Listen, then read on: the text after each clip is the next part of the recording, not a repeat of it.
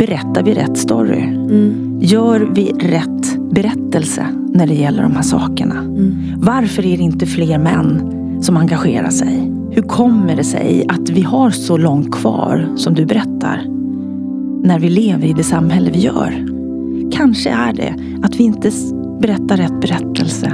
Att vi inte målar upp visionen av hur vi vill att det ska vara. Ja, hörni. Vilken berättelse ska vi egentligen berätta? Vad är rätt och vad är fel? Egentligen finns det ju inget svar på den frågan. För hade det gjort det så hade vi ju faktiskt varit jämställda idag. Men just det här, det pratar jag och Anna Bellman om i veckans avsnitt. Och visserligen tycker vi lika om en del saker men har samtidigt olika perspektiv på frågan. Och det gjorde såklart det här till ett väldigt intressant samtal. Och till er som lyssnar, hör gärna av er till mig med era tankar när ni gjort det. Vilka tankar poppar upp i era huvuden när ni hör det här samtalet? Innan vi drar igång avsnittet så ska jag precis som vanligt tacka fantastiska Excitec som fortsätter att sponsra podden och därför gör det möjligt för mig att ha de här intressanta samtalen. Så tusen tack för det, Excitec. Men nu, kära lyssnare, precis som vanligt, rätta till lurarna och dra upp volymen. För här kommer ett avsnitt med Anna Bellman.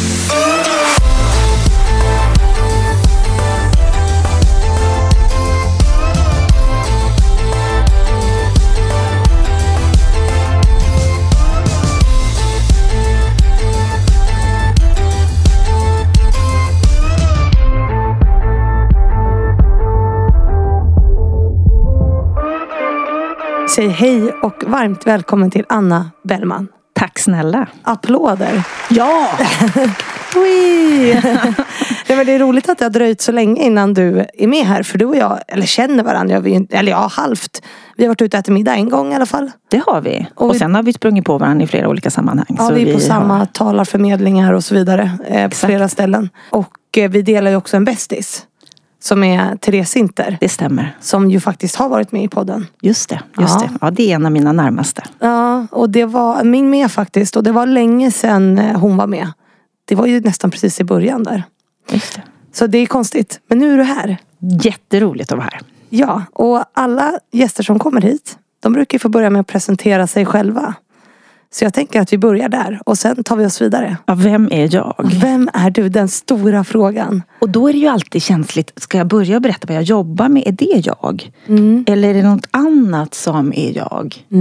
Jag tror att jag skulle kunna säga att jag är en väldigt energifylld, glad, lösningsorienterad person. Som älskar att ha människor omkring mig, som älskar samtal, som älskar kommunikation. Som älskar min familj, mina vänner. Jag har fyra barn, två biologiska, två bonusbarn, en man, en hund. Många, många, många underbara vänner. Sen jobbar jag ju med kommunikation också. Journalist i botten. Men idag så driver jag eget, ja, sen 16 år tillbaka, så det är en stund sedan. Jobbar mycket som moderator, leder möten och konferenser. Jobbar mycket med utbildning när det gäller kommunikation, presentationsteknik, hur jag ska få andra att lyssna på mina budskap. Jag föreläser en hel del. Och jag leder också poddar. Fast lite, lite nischade inom bostadspolitik och inom digitalisering. Så ett par olika poddar. Mm. Hur hamnade du inom bostadspolitik egentligen? Det har nog med det ämnet som, som du driver väldigt mycket att göra när det gäller jämställdhet. Att eh, det är ju en väldigt mansdominerad bransch. Det är ju bra om den som leder konferensen är kvinna i alla fall. Om vi inte kan få ta på några andra talare. Så det var nog så det började egentligen. Jag hade jobbat en del inom inom fastighetssektorn som kommunikatör. Men eh, det var nog en av de första, ett av de första uppdragen jag fick tror jag som moderator för ja, snart 15 år sedan. Det var faktiskt inom bostads och fastighetsområdet. Mycket på grund av att ja, men det är bra att du är kvinna. Inkvoterad. Ja. Bra, tänker jag. För då fick jag jobb. Det, där måste man ju tänka medvetet på. Att liksom sätta in kvinnor i rum eh, där de inte finns. Just det. Och tänka på vad, vilken procenttalare har vi? Är det bara män? Ja, då, kanske vi, då måste vi få in en kvinna. Liksom. Det där är ju superviktigt. Representation är ju avgörande på något sätt. Mm. Ja men det behövs ju en balans. Ja. Oavsett inom vilket område det rör. Mm. Mm. Men du var journalist i grunden. Hur mm. kom du in på det från början? Ja, det började ju på 80-talet när jag bodde uppe i Örnsköldsvik där jag kommer ifrån. Ja. Att jag började att intressera mig för närradio. Mm. Så jag hade en del politiska debatter även när jag gick i högstadiet och tyckte det var väldigt, väldigt roligt. Då hade jag ett, ett program som hette Övik Dövik. Vi tyckte inte att det var så mycket som hände i den stan. Övik Dövik. ja. är, det, är det mycket som hände i den stan? Jag vet. Alltså sen jag flyttade därifrån, det är ju över 30 år sedan, ja. så har det hänt väldigt mycket i den stan. Ja. Så det är ingen dödstad. Men jag upplevde det så, eller många med mina vänner, mm. vi tyckte att det var inte mycket som hände där då. Så då hade jag så här ungdomspolitiker som jag samlade in, in i studion och så körde vi debatt. Och, Nej, det var härligt. Så det var där det började. Och då tänkte jag att radio, finns det något roligare? Mm. Och det är egentligen det du och jag gör just nu. Mm. Mm. Ja, radiopratare, det är ju faktiskt jättekul. Ja, jättekul. Men också politik. Alltså hur engagerade du dig i politik? Eller varför blev det så? På något sätt? Nej, men det, det gjorde jag ju inte. Jag engagerade mig inte själv Nej. partipolitiskt. Nej. Utan det var mer att jag bara ville samtala med dem och höra vad gör ni? hur kan vi göra det här bättre? Ja, hur kan och vi få Övik, min kanal. Mm. Hur kan vi få Övik Dövik att bli roligare? Liksom, exakt, exakt. Ja. Lyckades du? Ja, jag, jag skojade om det när jag faktiskt hade en eh, partiledardebatt i Övik inför förra valet mm. för exakt fyra år sedan. Ja. Så hänvisade jag till det här programmet och sa tänk vad ett radioprogram kan leda till. ja, för det där ja. har du gjort en del, alltså modererat partiledardebatter och sådana saker också. Mm, det har jag gjort och jag eh, modererar ju en hel del politiska debatter idag. Nu är ju snart Almedalen för dörren när vi spelar in det här och då kommer det vara en hel del. Mm debatter också. Då ska du moderera uppdrag mm. i Almedalen då? Exakt. Eh, med politiker? Mm. Inte det, Bland annat. inte det jätteläskigt? Absolut inte läskigt men ganska svårt. Ja. Därför att politiker vill ju, framförallt inför val, så vill de ju verkligen få ut sina budskap. Mm. Så det är inte säkert att de svarar på frågan. Nej. Så man får vara på dem lite för att det ska bli en bra debatt som leder framåt. Och inte att det bara är att de munhuggs med varandra. Nej, för det där tycker jag är svårt med debatter. Alltså när man tittar på partiledardebatterna i, i liksom nyhets, alltså TV4 och sådär. Att det är ju mest bara prat. Eller förstår du? Jag tycker det är ganska ointressant. Eller förstår mm. du? Jag... Jag förstår vad du menar och jag kan tycka att Almedalen är trevligt när det inte är valår. Mm. Därför att då är ofta samtalen mer framåtriktade och lösningsorienterade. Mm. Det är ju det som är givande tycker jag. Inte när vi ska bara få debatt. Olika sidor som ser på samma sak. Även om det är viktigt med perspektiv och olika sidor såklart. Mm. Så är det ändå roligare tycker jag att leda samtal där vi verkligen vill få till en förbättring, en förändring. Mm. Men då gjorde du den här, det här radioprogrammet i Övik, Övik Dövik. Mm. Exakt. och, och, sen så, så utbildade jag mig till radiojournalist uh. och jobbade först som det när reklamradion var ganska ny där i början på 90-talet. Men i Stockholm då? Eller var I Jönköping. I Jönköping. Mm, Radio Match. Mm. Och sen så började jag ganska snabbt på TV4 i Jönköping och startade upp de lokala morgonnyheterna där. Mm. De lokala morgonnyheterna som inte finns längre, men då fanns de. Så att 95 så körde jag, gick upp tre varje morgon. Ja. Det måste varit jättespännande. Ja, men det var roligt. Det var otroligt lärorikt och mm. nyttigt. Så, så, så det var liksom starten på min karriär. Och sen kände jag att mm, nej, men jag, jag skulle nog vilja, vilja testa hur det är att jobba med kommunikation och marknadsföring. Mm. Så då blev det Capgemini IT, managementkonsultbolag där jag var i tio år och jobbade med kommunikation och marknadsföring. Och då träffade då vår gemensamma vän Therese. Mm. Jag har ju också jobbat för Capgemini-koncernen fast på Society. Det var Fast jag träffade just Therese innan. Jag hamnade ju där på grund av Therese. Mm. Så lite omvänt kanske. Nu pratar vi, ska vi prata mer om Therese? Nej. Nej. Nej. Men, men vad var det med liksom kommunikation och marknadsföring som lockade dig då? Men det är nog det att vad kan vi göra för att få människor att närma sig varandra? Hur kan vi få samtal som leder lite vidare? Mm. Och det här med kommunikation på stort bolag det är ju superintressant. Mm. När jag började där då skickade vi ut pressmeddelanden på fax och sen liksom hela den här IT-kraschen 01 och allt vad som hände där. Mm. Det är superspännande att ha varit med om en sån resa. Så, så jag var nog lite trött på media tror jag, eller kanske trött på att gå upp till varje morgon. Så att det var ett naturligt steg att testa kommunikation från ett annat perspektiv. Men sen startade jag eget 2006. Och, Men det är också ganska svårt att jobba i sådana stora företag för allting tar ju så himla lång tid tycker jag. Ja, det är politik där också. Ja. På ett annat sätt. Ja. Och, och, och, det tar tid och det är mycket möten och det är mycket ineffektivt. Mm. Så att när jag startade eget då och började jobba med kommunikation och fortsatte med det så um, kände jag bara, oh, vad häftigt det är att få styra min tid. Mm. Att vara på möten där alla är viktiga. Mm. Jag behöver inte bara representera Nej. och vara på ett möte för att jag behöver bli informerad om en fråga eller så. Utan eh, jag kan verkligen styra.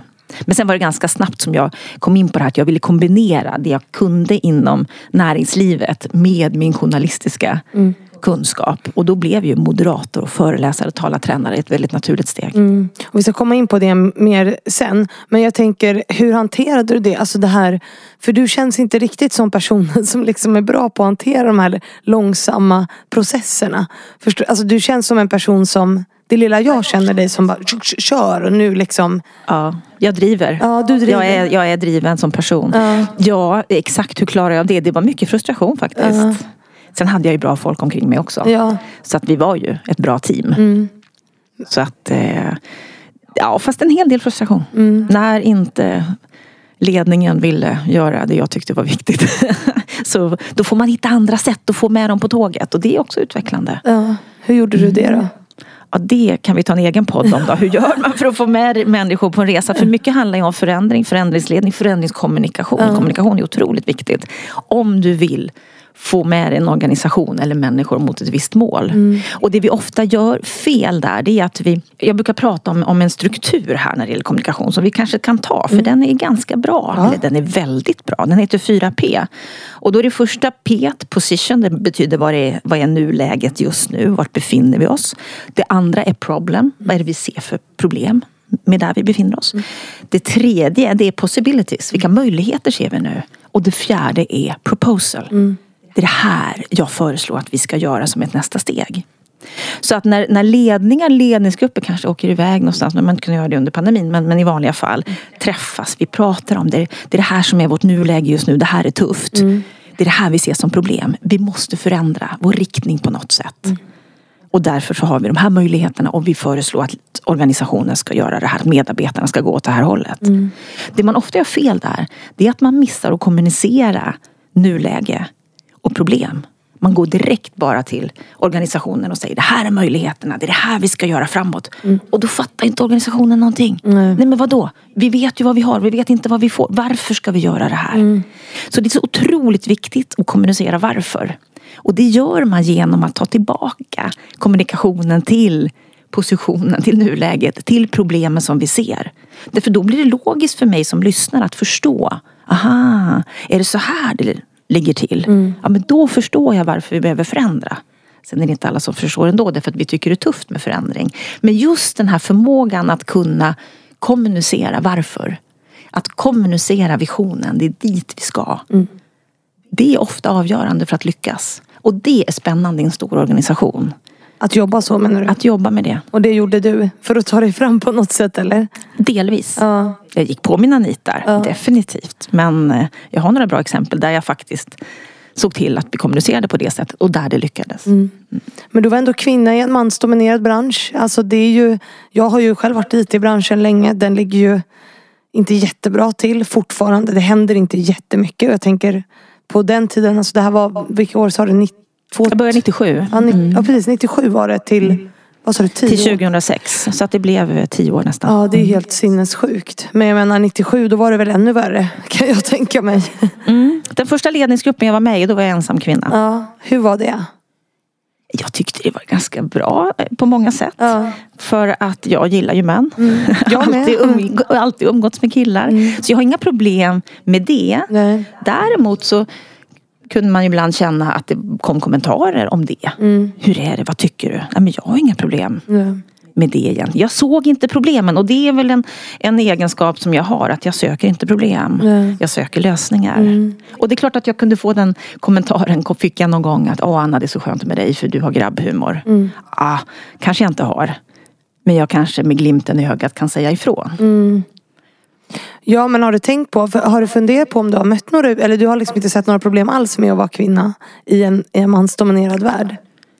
För min egen del har jag inte mött så mycket problem med det, nej. Har du reflekterat över om det är så att du kanske har anpassat dig in i en, i en eh, miljö på något sätt? Anpassat ditt sätt att vara eller? Nej, jag har faktiskt reflekterat mycket över det, framförallt nu när jag skulle träffa dig. Och funderat på det, vad är det jag har varit med om som skulle kunna ha varit problem. Och jag fick en kommentar en gång efter en, en konferens att Ja, Anna, du är lite för glad. Mm.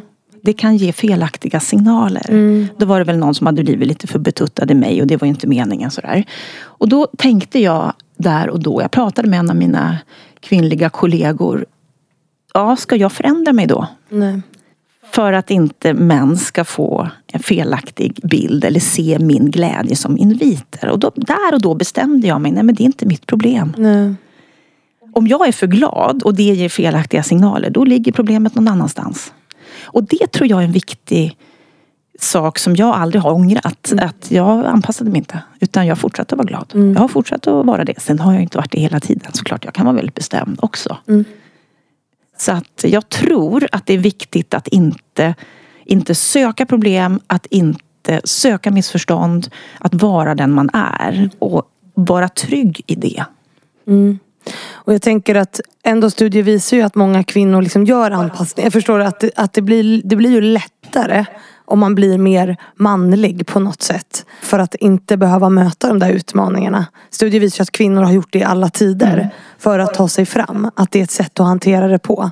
Men det är inget du känner så här, det har jag gjort. Eller att Nej, jag upplever inte så. Sen, sen, tror jag att i alla sammanhang ja. som man kommer i så gör man ju anpassningar. Mm. Därför att det är nya människor omkring en. Mm. Och det behöver vi göra för att team ska fungera. Mm. Så behöver man göra vissa typer av anpassningar. Mm. Men nej, jag sa ifrån. Nej, jag ska inte skriva protokoll bara för att jag är kvinna. Nej. Och det så köpte de eller? Ja, efter ett tag. Ja. Från början gjorde jag det. Sen eh, efter ett tag, när jag blev mer varm i kläderna. Ja. Då kunde jag säga, nej men det här känns ju inte riktigt relevant. Nej. Det här borde vi ju kunna faktiskt turas om med. För att jag kan inte vara fullt ut närvarande om jag ska skriva protokoll varje gång. Nej. Det är inte därför jag är med i ledningsgruppen, exempelvis. Det är för att jag kan det jag gör, liksom, på något sätt. Mm. När du sa ifrån med glimten i ögat då, som du sa innan. Hur gjorde du det? Oj, vilken bra fråga. Jag tror att man kan säga väldigt mycket skarpt med mm. glimten i ögat utan att det upplevs fientligt. Mm. För det är inte det som är syftet. Jag tror inte att jag får en, en skämtsam kommentar för att det ska vara elakt. Mm. Eller illa menat. Utan det är en jargong. Och jag tror att kan jag svara med glimt i ögat mm. så kan jag på något sätt ta udden av det.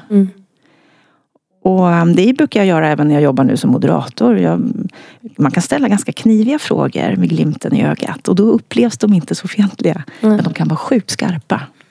Så här, nyfikna frågor är ju nyckeln till mycket. Exakt. Att liksom få människor att reflektera. Exakt. Och får man en konstig kommentar så kan man ju svara med glimten i ögat eller också kan man svara men berätta, vad menar du? Mm.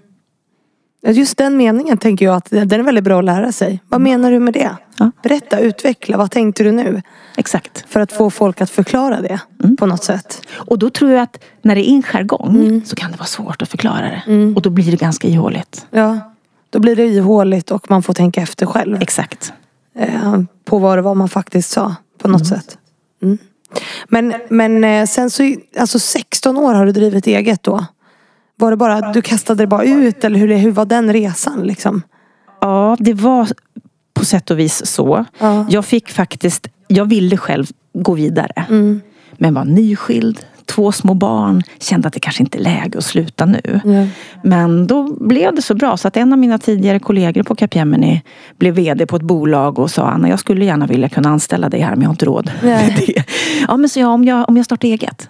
Du köper mina tjänster. Mm. Ja men perfekt, Mm. sa han. Så det var så det började, att jag kunde starta eget. Jag hade ett uppdrag som visade sig bli ganska omfattande. Mm. Så det var inte bara att slänga sig ut i det okända utan jag hade faktiskt en ganska så bra grund att stå på. Vad var det för uppdrag de tog in dig på då? Det var då som egentligen samma sak som jag gjorde på Capgemini, att, att det var deras marknadsavdelning. Mm. Och då fick jag ju börja anställa folk för det, det, det blev så mycket. Så att, så att till slut så hade jag en liten reklambyrå där Mm. på sex personer i, i ett, några år. Och sen eh, avvecklade jag den när jag själv insåg att det är ju det här med moderator och presentationsteknik och de bitarna som jag verkligen vill fokusera på. Ja, men just det här med presentationsteknik, alltså var Mm. kommer det ifrån på något sätt? För det här, marknadsföring och kommunikation, det är, ju, det är ju en sak. Presentationsteknik är ju alltså något annat, tycker jag i alla fall. Alltså hur man presenterar, för det är ju det du gör liksom. Hur kommer det sig att du började med det? Eller vad var, vad var frustrationen? Nyckeln var till att jag verkligen har, har fokuserat mycket på det. Att jag har mött så många som tycker att det är så svårt. Mm. Och det visar också många undersökningar mm. att det här är någonting som verkligen kan lamslå människor. Vi känner oss otroligt hämmade i våra yrkesroller. Mm. Därför att vi har svårt att kommunicera. Mm. En undersökning från tidningen Chef visar att sju av tio chefer tycker antingen att det är obehagligt eller mycket obehagligt att tala inför andra. Oj. Och då kan man känna att det är ju lite deras roll. Mm att kommunicera. Mm. Men hälften av dem tycker att det är så jobbigt att de inte kan sova natten innan de ska hålla en större presentation. Och det är ju inte klokt tycker jag. Så att jag har verkligen tittat på det här. Vad är det som gör att vi blir så skräckslagna? Vad är det då? Berätta. Jag tror att det handlar väldigt mycket om att vi tror att vi ska visa upp något. Ja. Att vi måste vara perfekta. Mm. Att eh, jag kommer att bli kritiserad här när jag står och ska säga någonting inför en publik. Mm. Och så kommer de där katastroftankarna och så peppar vi oss själva med ord som tänk om jag glömmer bort något av vad jag ska säga. Tänk om jag kommer av mig. Tänk om jag inte kan svara på frågan efteråt. Tänk om de inte tycker om mig. Och så är det de tankarna som mal i huvudet mm. innan. Det är klart att det blir skräckscenario. Därför vem av oss är perfekt när vi står framför andra och talar. Mm. Vem av oss är perfekta överhuvudtaget? Det är vi ju inte. Och det är det som är mänsklighet. Det är det som skapar en trovärdighet när vi inte är det. Mm.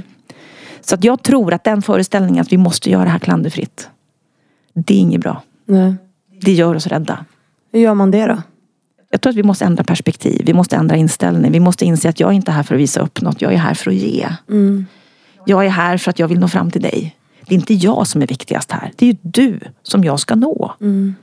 Det är ju min publik som är viktigast. Och när jag har det perspektivet då spelar det inte någon roll om jag stakar mig eller inte hittar orden eller inte kan svara på frågan efteråt utan får säga bra fråga, jag återkommer om den. Mm. Jag ska kolla upp det här. Det är inget nederlag mm. om inte jag kan svara på exakt allting.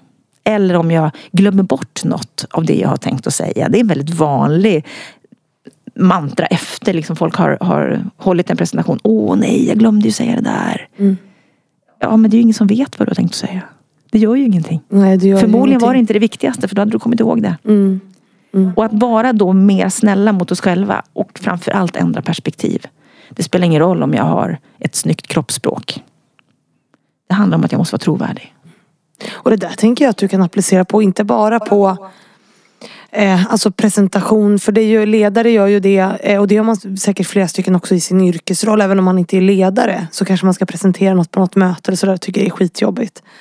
Men det här tänker jag att du också kan applicera på samtal liksom, Mm. överlag. Hur, alltså om jag ska ha ett viktigt samtal med någon, vem är mottagaren på något sätt? Och jag tror vi missar ofta här att fundera just på det. Vem är det jag vill nå? Ja. Och det är en annan undersökning från Dale Carnegie visar att chefers vanligaste misstag det är att vi kommunicerar utifrån vår egen stil. Att vi tror att andra fungerar som vi själva gör. Men det gör de ju inte. Människor är olika.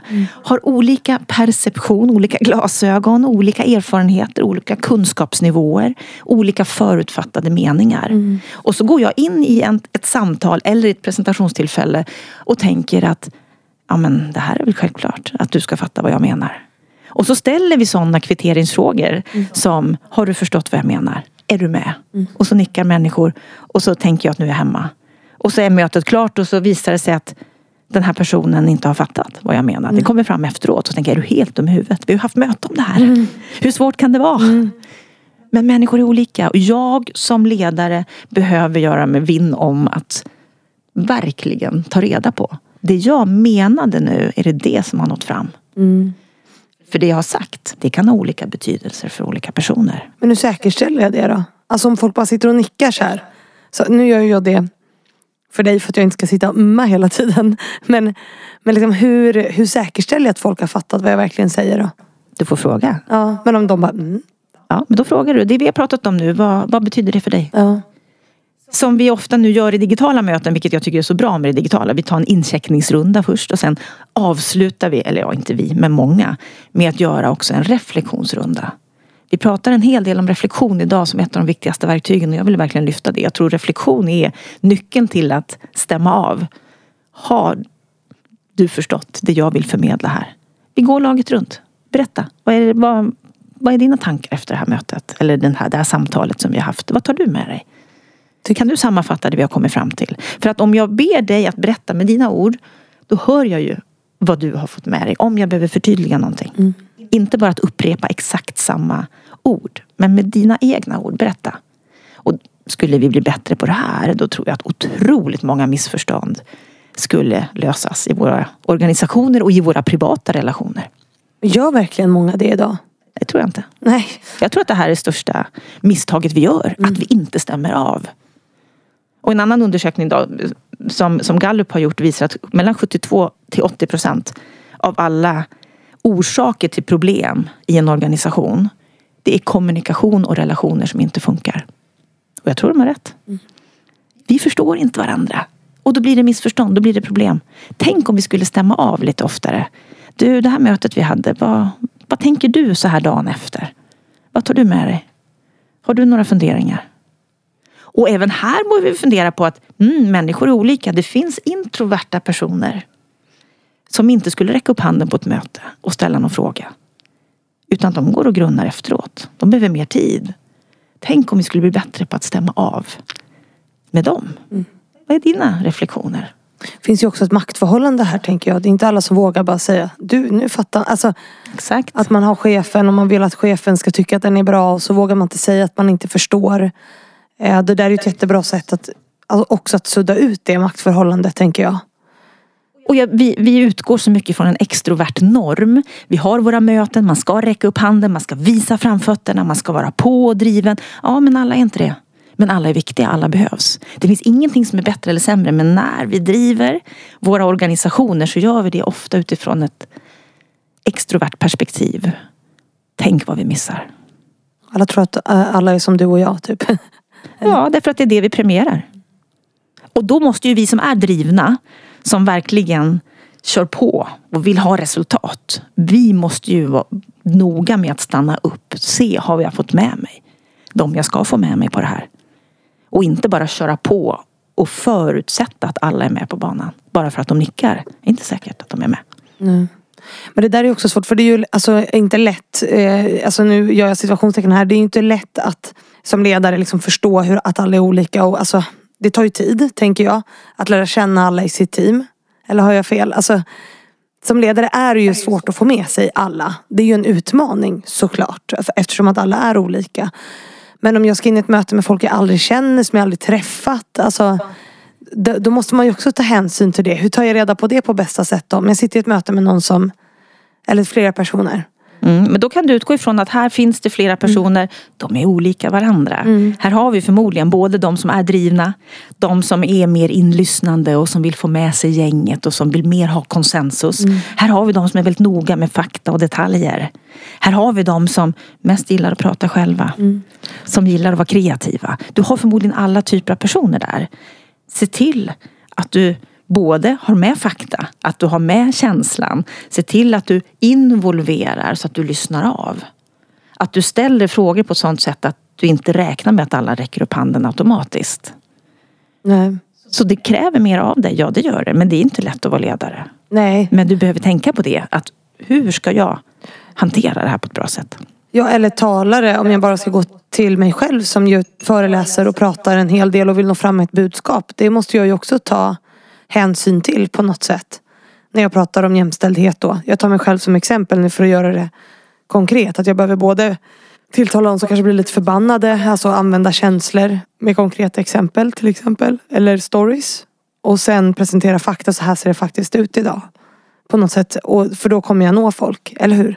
Ja, jag tror att du är väldigt mycket på spåren där. Och när det gäller just jämställdhet, ska vi gå in lite på det? Ja, det kan vi göra. För jag tycker det här är så spännande och intressant. Därför att vi har ju en, en situation med en problembild som du är duktig på att måla upp. Mm. Med saker som inte fungerar. Där det inte är balans mm. idag. Och man kan tycka att det är galet. Varför är vi där vi är 2022? När det gäller kvinnors och mäns lika roll och balans. Vi har ju vi har så otroligt långt kvar så att det är skrämmande. Ja. Jag funderar på, berättar vi rätt story? Mm. Gör vi rätt berättelse när det gäller de här sakerna? Mm. Varför är det inte fler män som engagerar sig? Hur kommer det sig att vi har så långt kvar som du berättar? När vi lever i det samhälle vi gör. Kanske är det att vi inte berätta rätt berättelse. Att vi inte målar upp visionen av hur vi vill att det ska vara. För här visar också mycket av forskning och förändringskommunikation. Ska man verkligen lyckas då behöver man måla upp en vision. Då behöver vi berätta hur vi vill ha det. Vi ska inte bara prata om vad som är fel. Hur skulle du vilja kommunicera på ett annat sätt då? Jag skulle vilja kommunicera visionen. Mm. Inte säga att du gör fel. Nej. För det är det ingen som blir engagerad av. Mm. Ska man lyckas få med sig människor, då vill inte de bli nedslagna. Mm. Utan då behöver vi göra det på ett annat sätt. Sluta slåss. Mm. Vi pratar mycket om kampen för det här. Ja men det kanske är så, eller tänk om det är så att ett krig i Ukraina inte vinns genom att vi rustar upp. Tänk om det är så att skolskjutningarna i USA, de kommer inte att minskas om lärarna får vapen. Mm. Att det kanske är andra sätt vi behöver hantera det. Tänk om det är så att kampen om jämställdhet inte vinns genom att vi ser det som en kamp. Utan att vi ser det som en gemensam målbild. Visionen, vad är berättelsen? Vart är det vi vill någonstans? Mm. Och så fokuserar vi där.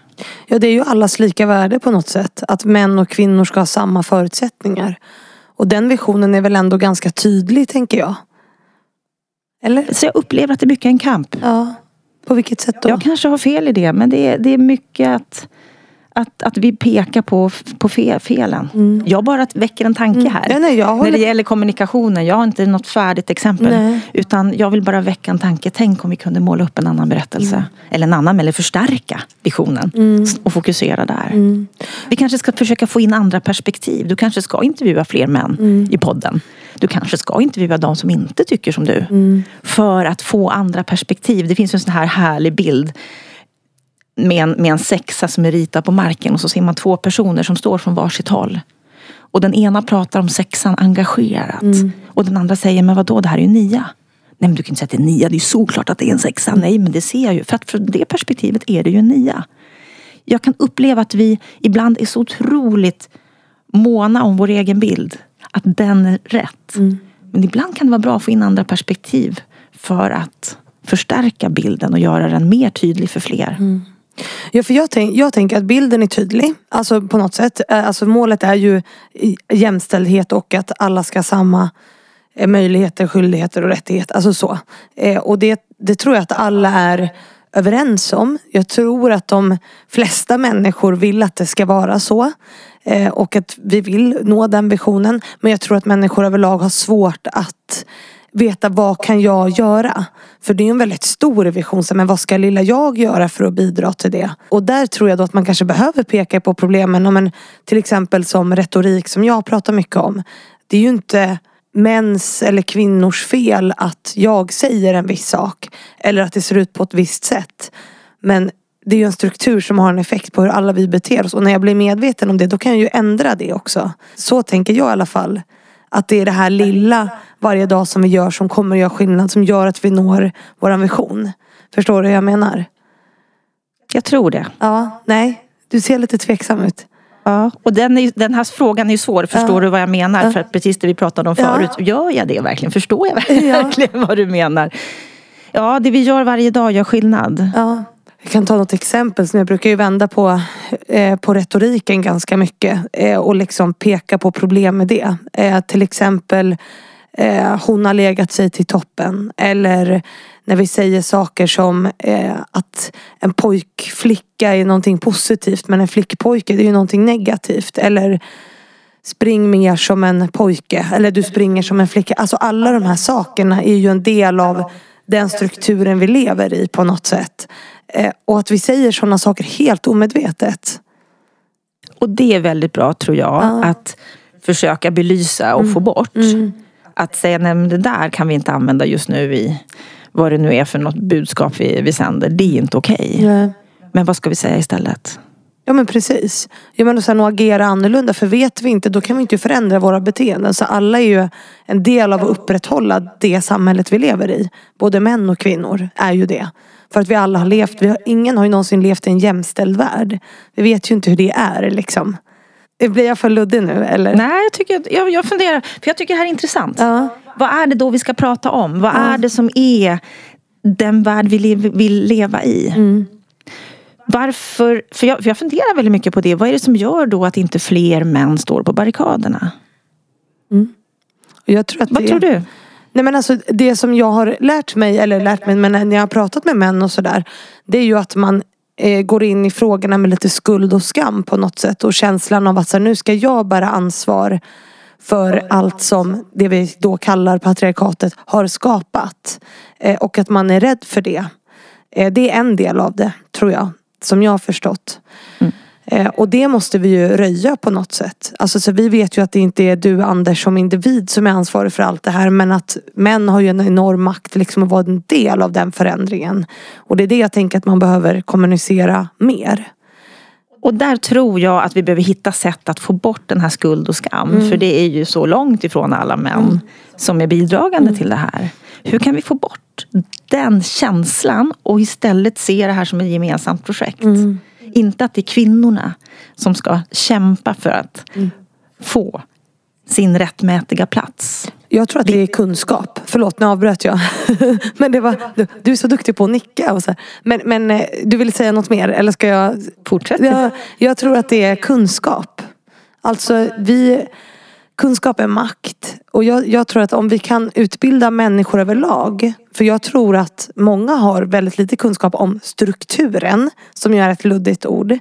Men om man kan lära människor hur strukturen ser ut och vilken effekt den har. Då är det också lättare att inte se sig själv som individ. Alltså individuellt ansvarig på något sätt. Att vi alla är en del av den strukturen. När jag lär Men kan det. vi, kan vi då förmedla den här kunskapen på ett mer lustfyllt, visionärt sätt? Mm. Så att vi inte bidrar till skuld och skam. Kan vi göra någonting där för att få den här framåtriktade bilden att kännas lite mer som vårt gemensamma? Mm. Vi har ju en situation idag ändå där vi ser att på högskolenivå, det är, tjejerna finns ju där. Det är inte det att vi saknar duktiga tjejer Nej. som kan. Eller att vi saknar dem i, i ledningar och så vidare. Däremot så finns de inte på tillräckligt stor nivå eller vad man ska säga. Det händer ju något längs vägen. Det händer men det händer ju väldigt långsamt. Så vad kan vi då göra för att få bort skuld och skam och istället se det här lustfyllda i att men här, det här är vår framtidsvision. Det är hit vi ska. I have a dream. Jag försöker använda mycket humor. Eh, och Alltså det är inte att alla vi ska gå runt och skratta åt men det finns ju någonting roligt i att skratta åt det som på något sätt är tragiskt. Och sen jag började med det så ska jag säga faktiskt att det är väldigt många män som uppskattar det. Vilket jag kanske inte trodde från början. Men när du kommunicerar något med humor. Så det här är verkligheten liksom. Men vi gör lite kul av det. När jag vänder på retoriken eller gör mina möten som jag har iscensätter själv. Det är så många män som hör av sig. Och bara tack liksom. Och sen jag började titta på de här klippen så började jag reflektera. För att man når fram på ett sätt som inte är fuck off and, and die. Alltså förstår du vad jag menar? Ja, men det är jättebra för då är du inte bara en sån som slår. Nej, och alltså säger det, att det här är fel och det här är vansinnigt och det här minsann måste. och det var en rädsla jag hade när jag började testa det. För jag vet att alla kvinnor kommer gilla det för alla känner igen sig. Men eh, på något sätt så har det också nått fram till väldigt mycket män. Genom att jag gör de typen av klipp. Så att eh, det har varit effektivt faktiskt. Bra. Men sen tror jag också att för att kvinnor ska få mer makt och mer tillgång liksom till det så måste ju män lämna ifrån sig makt. Eh, Så är det ju eh, på något sätt också. Och det tror jag är läskigt också. Att man ska göra det. Sen är det ju också så, jag, jag förstår vad du menar och jag håller med om det att vi måste lämna ifrån, eller män måste lämna ifrån sig makt men kvinnor måste ju också säga ja. Vi behöver inte kunna allting Nej. för att ta en roll eller för att ställa sig på en scen och prata. Det är det jag möter ofta. Att kvinnor, de blir tillfrågade men säger sen nej, nej jag vågar inte. Så visst, absolut, män måste lämna ifrån sig men att lika mycket att vi kvinnor behöver ta för oss och säga ja. Jag behöver inte vara perfekt. Jag behöver inte vara den här duktiga flickan hela, hela tiden. Som så många av oss är. Men det är också en del av strukturen. Att kvinnor, nu hamnar vi i värsta djupa diskussionssamtalet här men det är intressant. Att Alice Bah Kuhnke säger det sen när vi säger att kvinnor eh, behöver ta mer plats. Då är det också lite av en dubbel bestraffning. För att vi uppmanar ju kvinnor att ta mer plats.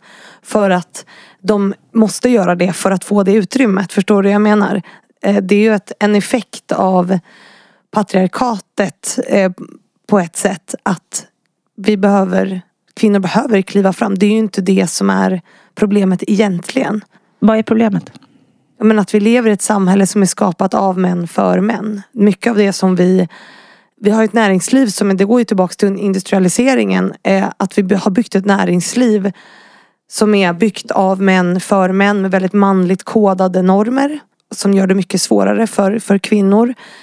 Det finns ju eh, ett moment 22 där vi liksom uppmanar kvinnor att ta mer plats men när de gör det så får de höra att de är en bitch till exempel eller att de tar för mycket plats.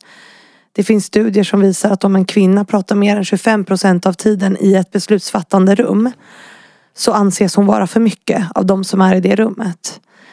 Så att det finns ju så mycket effekter av... Får jag förenkla? Ja. Jag förstår allt det här som, ja. som du berättar. Och jag har ju läst de här sakerna också. Ja. Jag har hört det här och jag har sett det med egna mm. ögon. Mm. Men jag vill ge ett annat perspektiv. Mm. För jag talar tränar många människor. Många, både mellanchefer, chefer på högre nivå, både män och kvinnor. Som behöver skärpa till sig, mm. inte skärpa till sig men få mer kunskap om hur kan jag bli mitt bästa jag nu när jag ska stå här. Mm. Och exempelvis då göra den här presentationen eller leda det här mötet. Jag upplever inte att de jag talar tränar får den här responsen. Mm. När de vågar säga ja och ställa sig på en scen. Jag är rädd att vi målar upp för svart bild mm. när vi bara tar det perspektivet. Många av dem jag talar tränar, alla, blir mer säkra i sig själva, förstår att de har saker att förmedla, förstår att de kan. Ställer sig där och är så förberedda så att de kan känna att det här gör jag med glädje. Och får respons efteråt. Gud vad bra det här var. Vad bra du gjorde det. Jag hade två unga tjejer på ett bolag som skulle vara moderatorer. Jag var inte moderator men jag tränade dem innan. Hjälpte dem med manusskrivandet, hjälpte dem med förberedelserna de gjorde det fantastiskt bra för de var förberedda och fick så otroligt mycket cred efteråt. Och sa till mig efteråt att det här kommer hjälpa mig resten av mitt liv.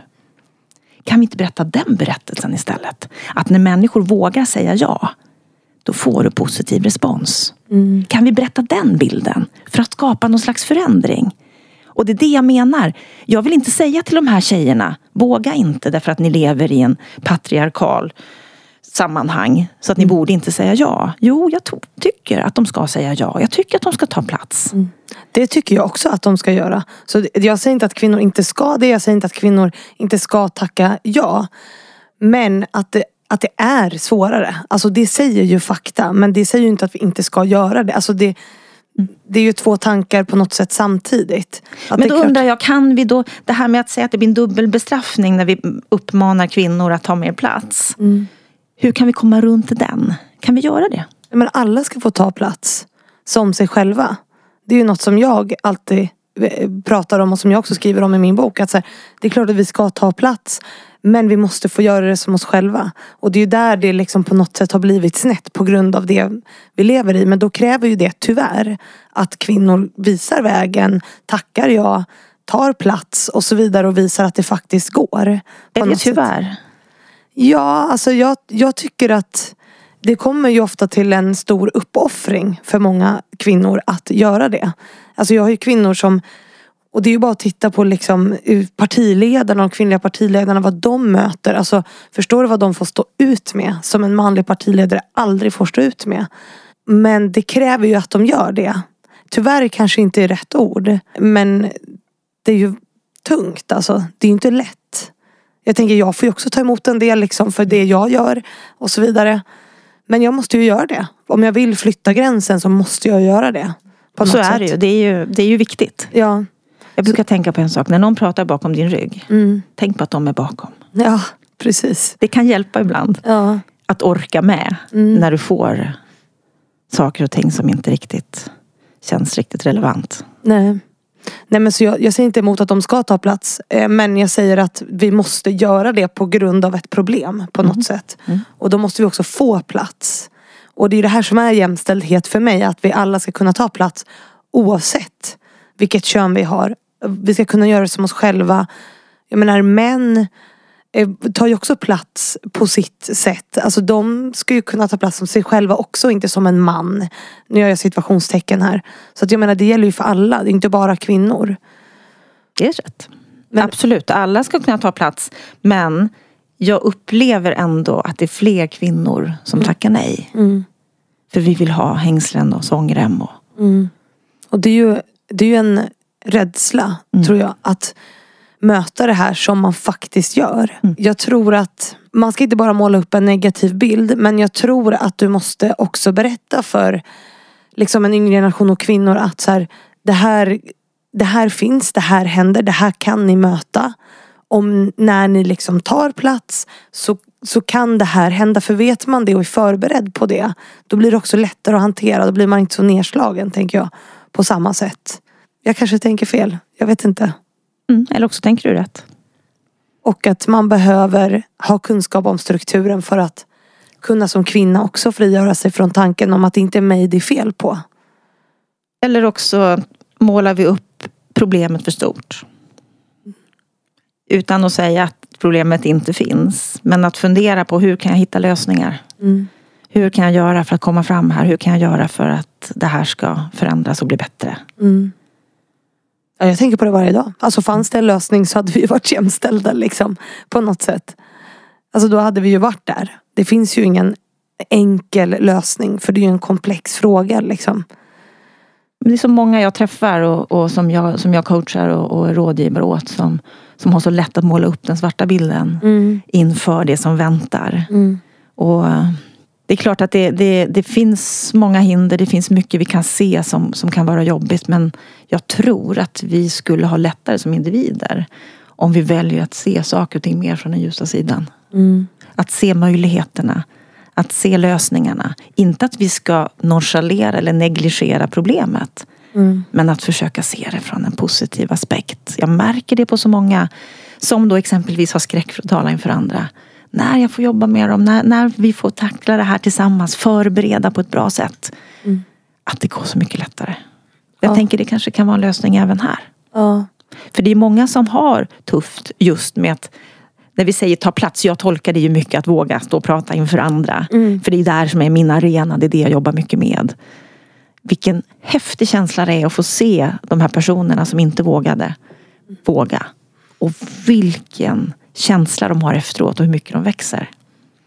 Men och mod är ju någonting vi kan träna upp liksom. Ja, och ofta handlar det om förberedelser. Mm. Att göra rätt förberedelser. Att inte bara kastas ut i något utan att veta vad som väntar. Nej. Utan att uh, vara förberedd.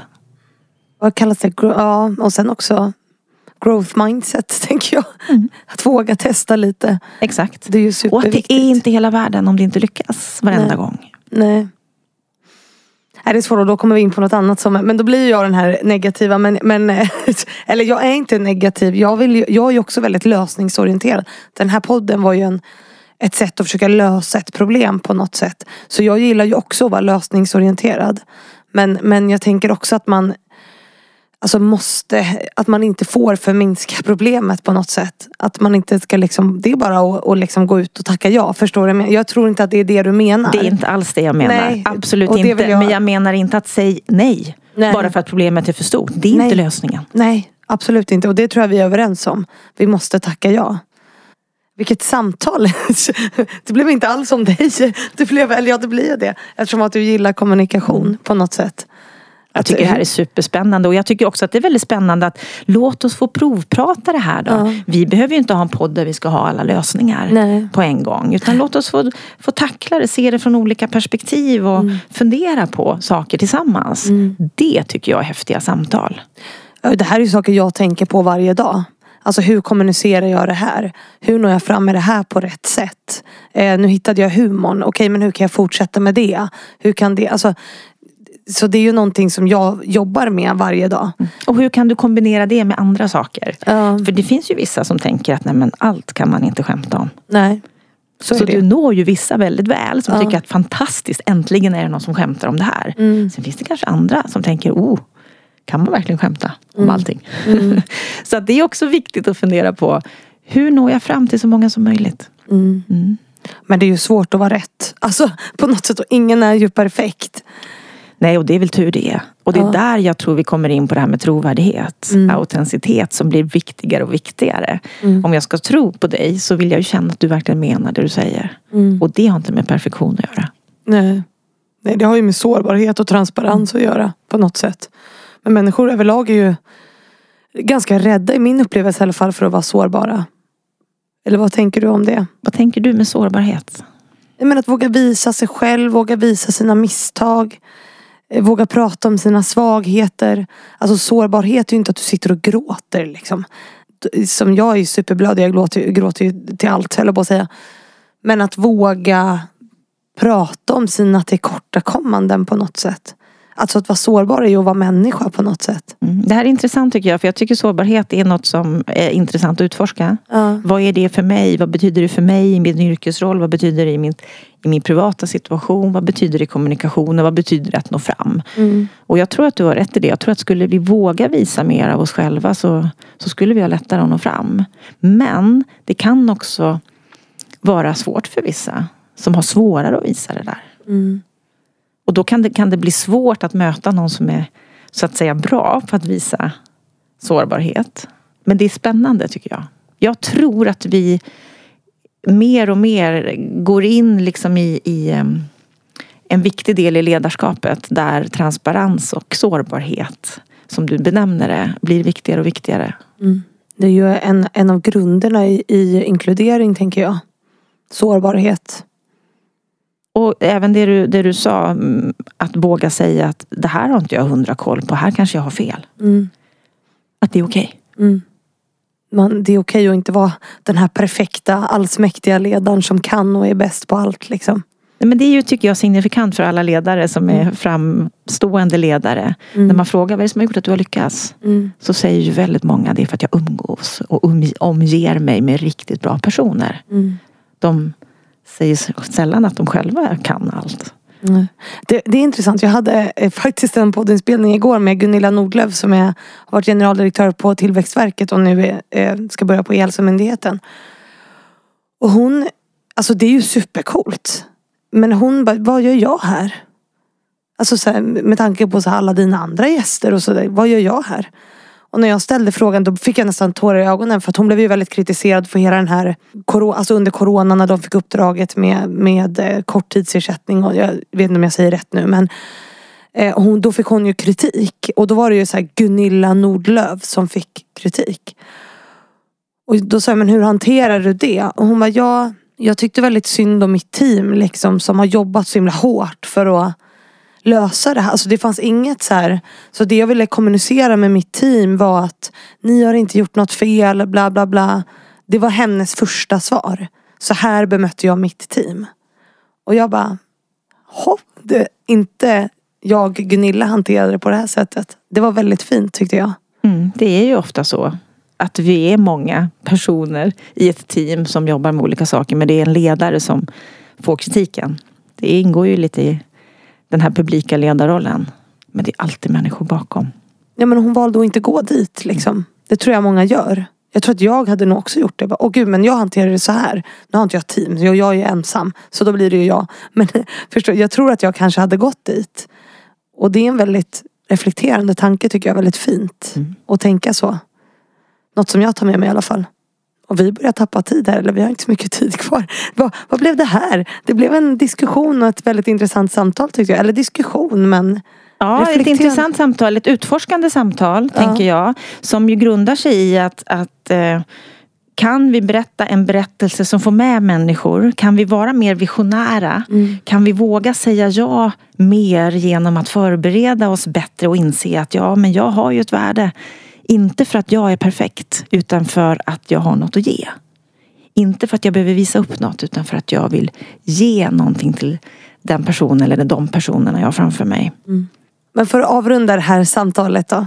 Eh, för nu har vi pratat om att liksom leda i förändring och kommunicera i förändring på något sätt. Och det här är också en, en fråga från min sponsor Excitec. Att hur kan vi då leda andra med lite mer så genomtänkt eh, kommunikation? Vad tänker du om, om det? Det är ju en sån här 10 000 kronors fråga på ett sätt. Men det jag tror är viktigt när det gäller förändringskommunikation som man ju kan säga att jämställdhetsfrågan är. Mm. Oavsett vilken typ av förändring som du vill driva så är det otroligt viktigt att du är visionär. Att du målar upp bilden av vart du ska någonstans. Mm. Varför du ska dit. Eller ni ska dit. Så att de du vill få med dig på resan förstår. För att anledningen oftast till att vi känner motstånd det är att vi inte förstår fullt ut. What's in it for me? Varför ska jag köpa in på det här? Mm. Va, va, vad vinner jag på det? Att förklara varför, förklara visionen. Och att göra det så trovärdigt som möjligt. Vissa mm. saker behöver ta tid, vissa saker behöver vi driva lite fortare. Men ska vi få med många människor då behöver vi kommunicera utifrån olika perspektiv. Inse att alla funkar inte likadant. Mm. Utan vi behöver hitta olika kanaler, olika sätt. Och vi behöver måla upp en berättelse, en vision om vart vi vill någonstans. Mm. Bra. Men då säger vi i alla fall tusen tack till dig Anna för att du var här. Stort tack. Och eh, att det blev ett samtal som vi inte alls var redo på egentligen men superintressant. Eh, så tack. Tack snälla. Och tusen tack till alla er som lyssnat på veckans avsnitt. Jag hoppas att ni får en fantastisk vecka och så hörs vi ju på onsdag igen.